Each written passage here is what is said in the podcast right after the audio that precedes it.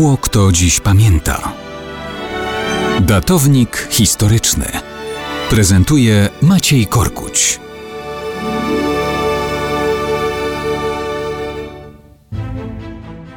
Mało kto dziś pamięta, że 9 października 1920 roku generał Lucjan Żeligowski, pozorując bunt żołnierzy, zajął Wileńszczyznę. Nawet według niemieckich spisów ludności z 1916 roku region ten był w 90% zamieszkany przez Polaków. Już wiosną 1919 Wilno zostało wyzwolone z rąk bolszewickich przez wojsko polskie. Potem w 1920 roku był nowy najazd bolszewicki.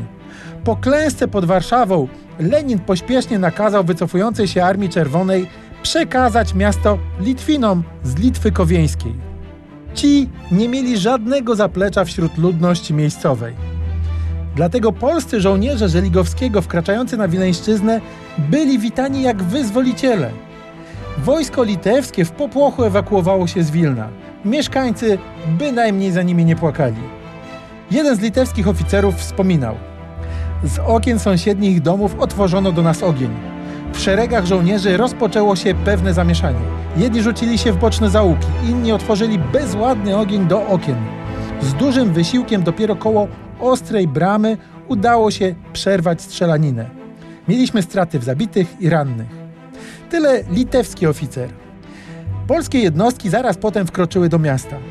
Nigdy w życiu nie widziałem takiego entuzjazmu, wspominał Żeligowski. To był szał obłąkanych. Ulice zatłoczone były narodem, ludzie rzucali się na żołnierzy, na konie. Był krzyk, płacz i śmiech. Było naokoło szczęście.